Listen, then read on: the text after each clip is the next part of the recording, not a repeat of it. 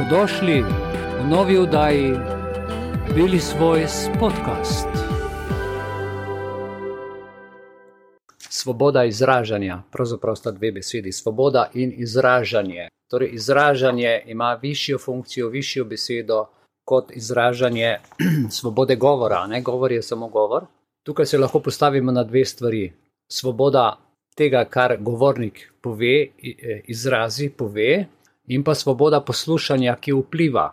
Ali sem jaz svoboden, da poslušam to, kar dobim, ali sem svoboden izražati. Oboje je svoboda izražanja, ker se v meni tudi izražajo čustva, v meni se potem uh, odkrivajo zastori in tako naprej. In tukaj je en čudovit člen, o katerem vam bo Iviljana danes tudi povedala, to je 39. člen ustave, ki govori o tej svobodi izražanja, kako in s čim je zagotovljena svoboda izražanja, svoboda misli, svoboda govora in javnega nastopanja. V praksi bomo sedaj o tem skupno razmišljali z predsednico društva za srečno življenje Belis, Iviljano Belis. Iviljana, prosim, izvoli.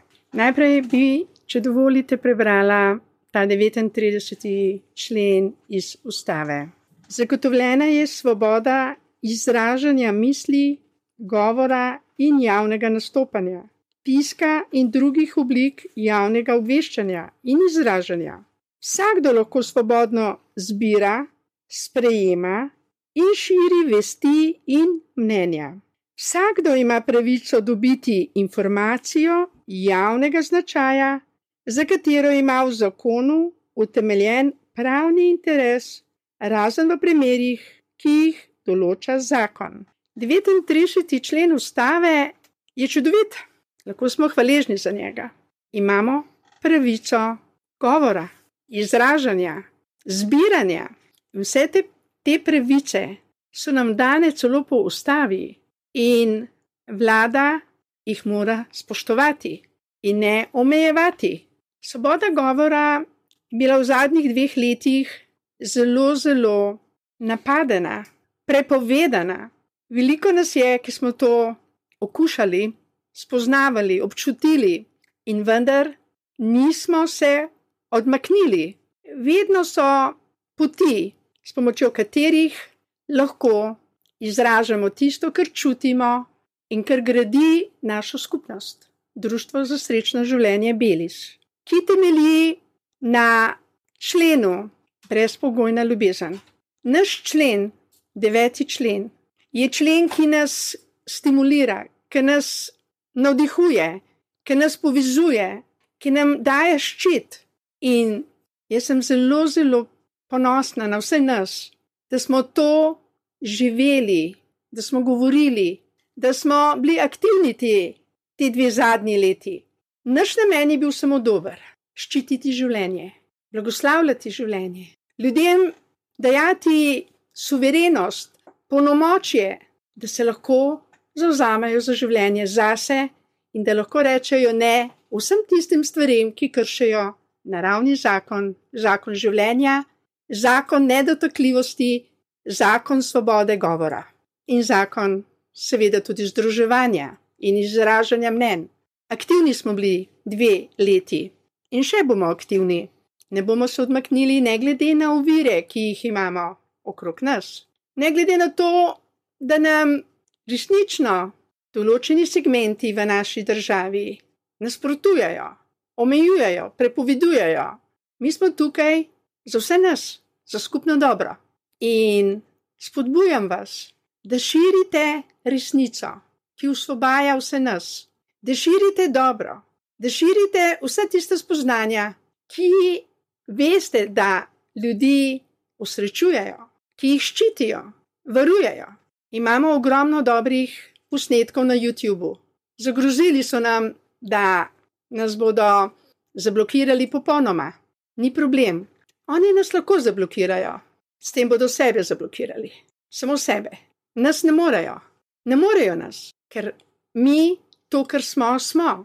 In smo že lučke, ki svetimo, smo ljudje, ki širimo resnico, smo ljudje, ki stojimo trdno na tej zemlji in vemo, kdo smo in kam gremo in zakaj delamo to, kar delamo.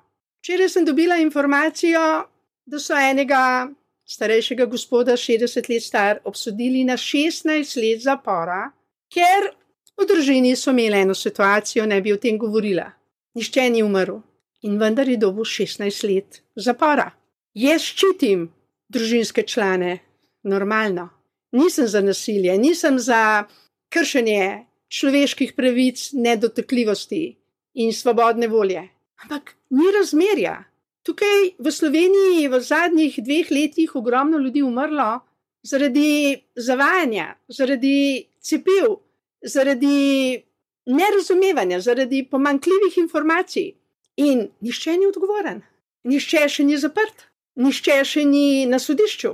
In vprašam se, zakaj se podpira zlo in ne življenje? Zakaj se krši ustavo? Ustava podpira življenje. Zakaj smo tiho, ko okrog nas ljudje trpijo in umirajo za posledicami cepljenja? Imamo svobodo govora, imamo svobodo govora. Včeraj sem bila na banki in tisti mladenič, ki se je cepil, je včeraj zelo šepal, boli ga noga. In ko sem ga vprašala, če bi se še kdaj cepil, je njegovo obličje se spremenilo v jezo. Nikoli, nikoli več. Enkrat je bilo dovolj, imam dovolj posledic. Nategnili so me, zavedli so me. Pa to ni edini primer. Ljudje tiho trpijo in mislijo, da je trpljenje del življenja. Pa ni. Življenje je življenje, da se ga rodostimo, da živimo, da smo to, kar smo, otroci ljubezni. In nišče nima pravice, ne v imenu odloka, ne v imenu zakona, siliti mame, da cepijo svoje otroke. Ko sem jaz svojo hčero cepila prvič, blizu enega leta, po tistem obdobju so se začeli njeni problemi: bronhitis, vročine, slabši imunski sistem. Njeno zdravstveno stanje ni bilo poslabšano zaradi moje prehrane ali zaradi spremembe prehrane, ampak zaradi cepiv, zaradi cepljenja. In jaz to danes vem. Če bi to videla že pri prvi moji hčerki, ne bi jo cepila resnično ne. In zato razumem vse mame, ki so cepile svoje otroke, ki jih cepijo, da jih cepijo zaradi neznanja, ker so zavedene, ker jih učijo napačno, ker ni svoboda govora na tak način, da bi se resnica oznanjala. Oznanja se vse tisto, kar ni resnica. Časopisi, filmi so polni nasilja in informacij, ki nas vodijo v napačno smer. In ko nekdo začne govoriti o Božjem kraljestvu na zemlji, smo za njih čudaki. Pa se je normalno, da je bolezen, normalno, da je smrt, normalno, da umiramo, normalno, da se kregamo, normalno, da se ločujemo, normalno, normalno. Ni to normalno. To je posledica zavajanja, posledica, da se, ker se ne govori resnice, ker je resnica zakrita, prepovedana, onemogočena. In kdo onemogoča to resnico? Tisti, ki živijo na račun neresnic. Predstavljajte si, kako bi bilo na sodiščih, če bi se vsi radi imeli, se ne bi kregali, drug drugemu bi odpustili, bi bili pošteni drug do drugega, a bi sodišča sploh funkcionirala lahko. Kako bi bilo v cerkvah, če bi bili vsi svetniki? Kako bi duhovniki sploh lahko imeli svoje službe od reševanja ljudi od grehov. Če bi že bili vsi to, kar smo, otroci ljubezni, resnice in sveti. Le kako bi bilo, če bi bili vsi zdravi, polni svetega duha, duha življenja, duha radosti, duha miru, izobilja. Ja, pa zdravniki ne bi imeli služb. In oni se morajo zmisliti cepljenje, zdaj imajo ogromno dela. Vse bolnice so polne zaradi posledic cepljenja. Jaz poznam ogromno ljudi, ki imajo posledice cepljenja. Pa lahko me YouTube zdaj le popolnoma skensla iz svojega kanala, ker je podpisal pogodbo pred parimi dnevi, da bo vse, kar bodo govorili proti svetovnemu zdravstvenemu sistemu in globalizmu svetovnemu in vsem tem raznim odlokom, da jih morajo skenslati, da se resnica ne bo širila, da ne bo svobode govora, svobode izražanja, da se resnica ne bo širila po Googlu po YouTubu, po Facebooku, ampak resnica bo, bo in zmaguje.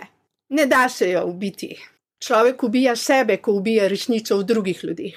In vsak, kot ti danes že stojem povedal, bo svojo žitev jedel, živel in občutil, in karkoli dobrega storimo sebi in bližnjim, naredimo to sebi in za skupnost. In karkoli slabega naredimo, naredimo sebi in tudi skupnosti. In če nam govorili, če nam opozarjali, če se nam drug drugemu odpustili, potem bomo šli v napačno smer. Bomo šli v smer smrti, trpljenja, bolezni, prepirov, sod, tožb, prekrškov, kaznovanj. Lahko pa se množično Slovenija odloči za resnico, za ljubezen, za življenje, za svetega duha, za duha življenja, ki daje življenje, ki vzdravlja bolnike, ki obuja mrtve. Samo odpreti se moramo. Mi imamo doma pipo toplo in hladno. Za hladno vodo in za toplo, ampak mi se odločamo, ali bomo odprli vročo vodo ali hladno. Tako se tudi mi odločamo, ali bomo verjeli življenju, verjeli, da smo otroci življenja, da smo zdravi, da lahko se izražamo, da nas ne bo strah in da je naša duša večna, ali v radosti, ali v trpljenju.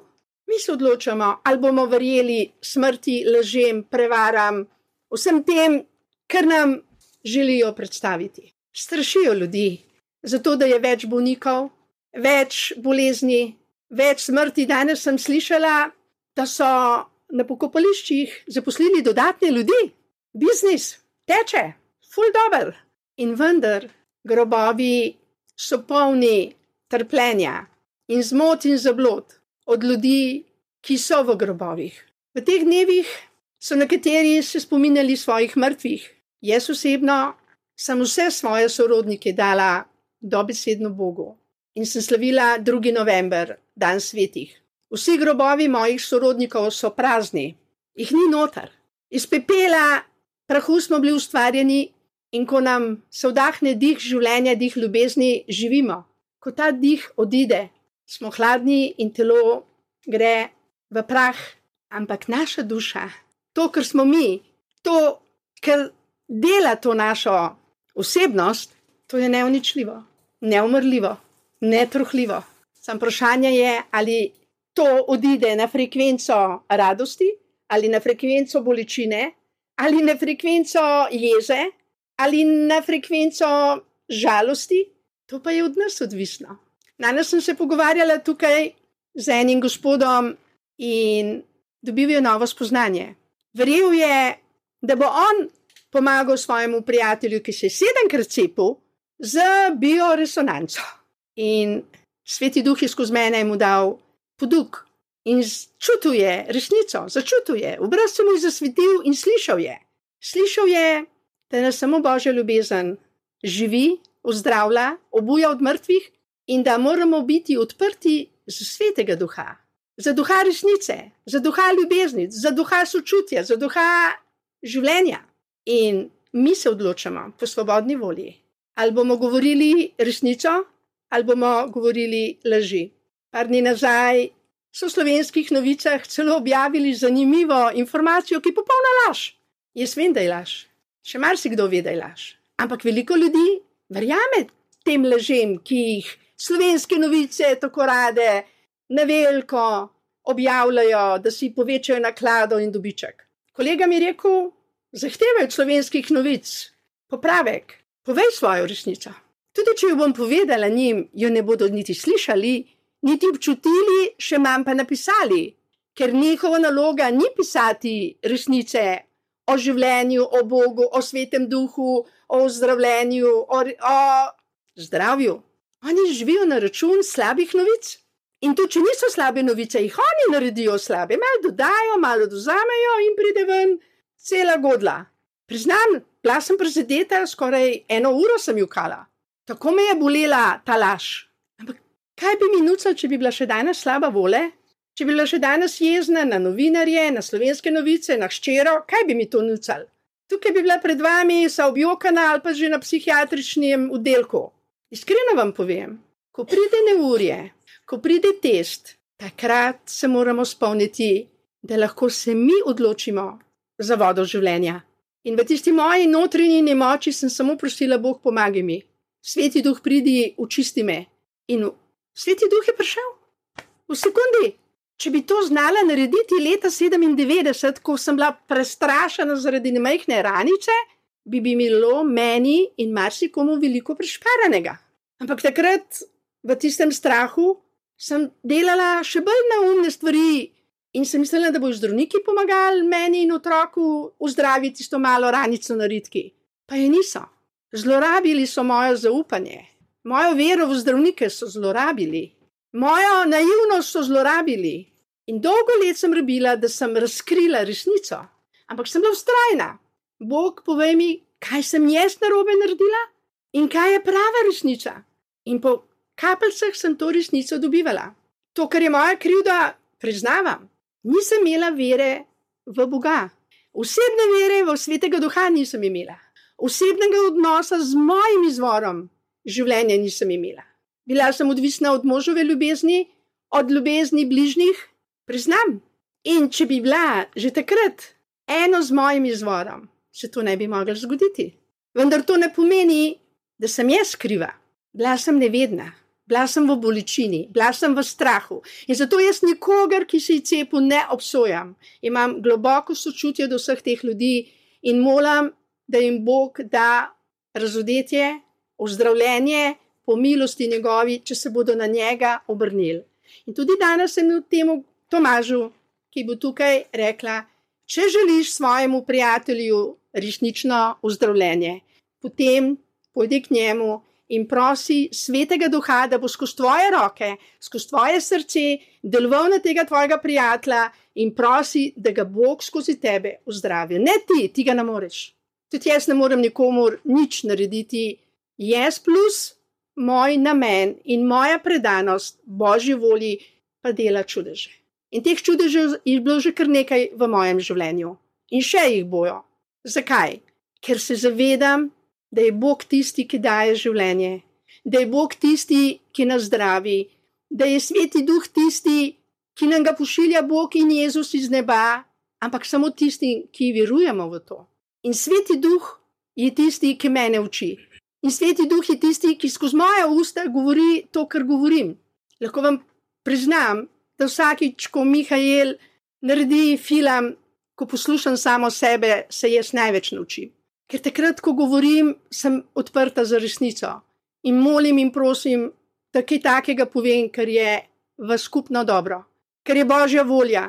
In danes vam iskreno tukaj govorim, da tudi pri svobodi govora ne smemo izkoriščati te svobode govora, da ljudi prezadanemo, da lažemo o ljudeh, da jim želimo slabo, ker z usti lahko tudi veliko slabega naredimo moramo se osebno vsi odločiti, da bomo delali za skupno rast, za skupno dobro.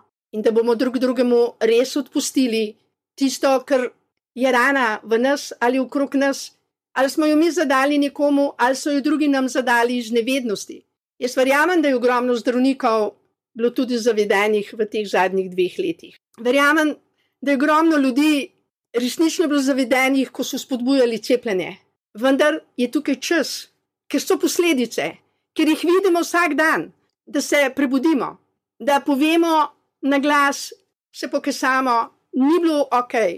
Nismo delali to, kar bi lahko delali, nismo bili razsvetljeni, nismo spodbujali življenja.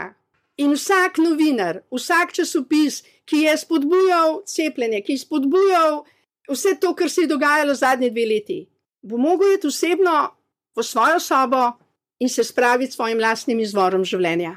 In ko to naredimo, potem je naše življenje gre v drugo smer. In potem smo evangelizatorji resnice. Evangelij pomeni, da širimo resnico, ne laž. In vsak, ki bo širil resnico, bo tudi blagoslovljen. Vsak, ki bo delal za prepire, za ločitve, žal ne bo blagoslovljen. Svoboda govora je zelo širok pojem. In jaz si želim, da bi vsi, tudi jaz, govorili samo to, ker je božja volja. In vse to bi rekla danes z ljubeznijo. Hvala lepa. Moram priznati globoko, globoko spoznanje in globoke resnice. Zdaj si bom pa še jaz vzel eno, dve minuti svobode, pa bi sam tako rekel, vezano na Iviljanino predavanje enakost pred zakonom. V Sloveniji so vsakomor zagotovljene enake To smo o tem danes že govorili pri prekrških človekove pravice in temeljne svoboščine. In ta člen se nadaljuje, 14. člen, ne glede na narodnost, raso, spol, jezik, vero, politično ali drugo prepričanje, gmotno stanje, rojstvo, izobrazbo, družbeni položaj, invalidnost ali katerokoli drugo osebno okoliščino. Vsi so pred zakonom enaki, namreč našteti v tem zakonu. Ne morem reči smo, ker ne spadamo vsi v te kategorije, ampak so, ker vsak spada v neko določeno kategorijo. Zanimivost pri tem členu je, da so ga leta 2004 spremenili, ta 14. člen. Pa veste kako? Z ustavnim zakonom o spremembi so ta 14. člen spremenili in sicer je bila v prvem odstavku tega člena, ki določa pač različne osebne okoliščine, ki ne smejo vplivati na zagotavljanje enakih človekovih pravic in temeljnih svoboščin, dodana še invalidnost. Izrecna navedba invalidnosti pomeni še dodatno ustavno podlago za poudarjanje enakosti pred zakonom. To je ustava. Rad bi vam pa prebral, kaj je podlaga tega člena.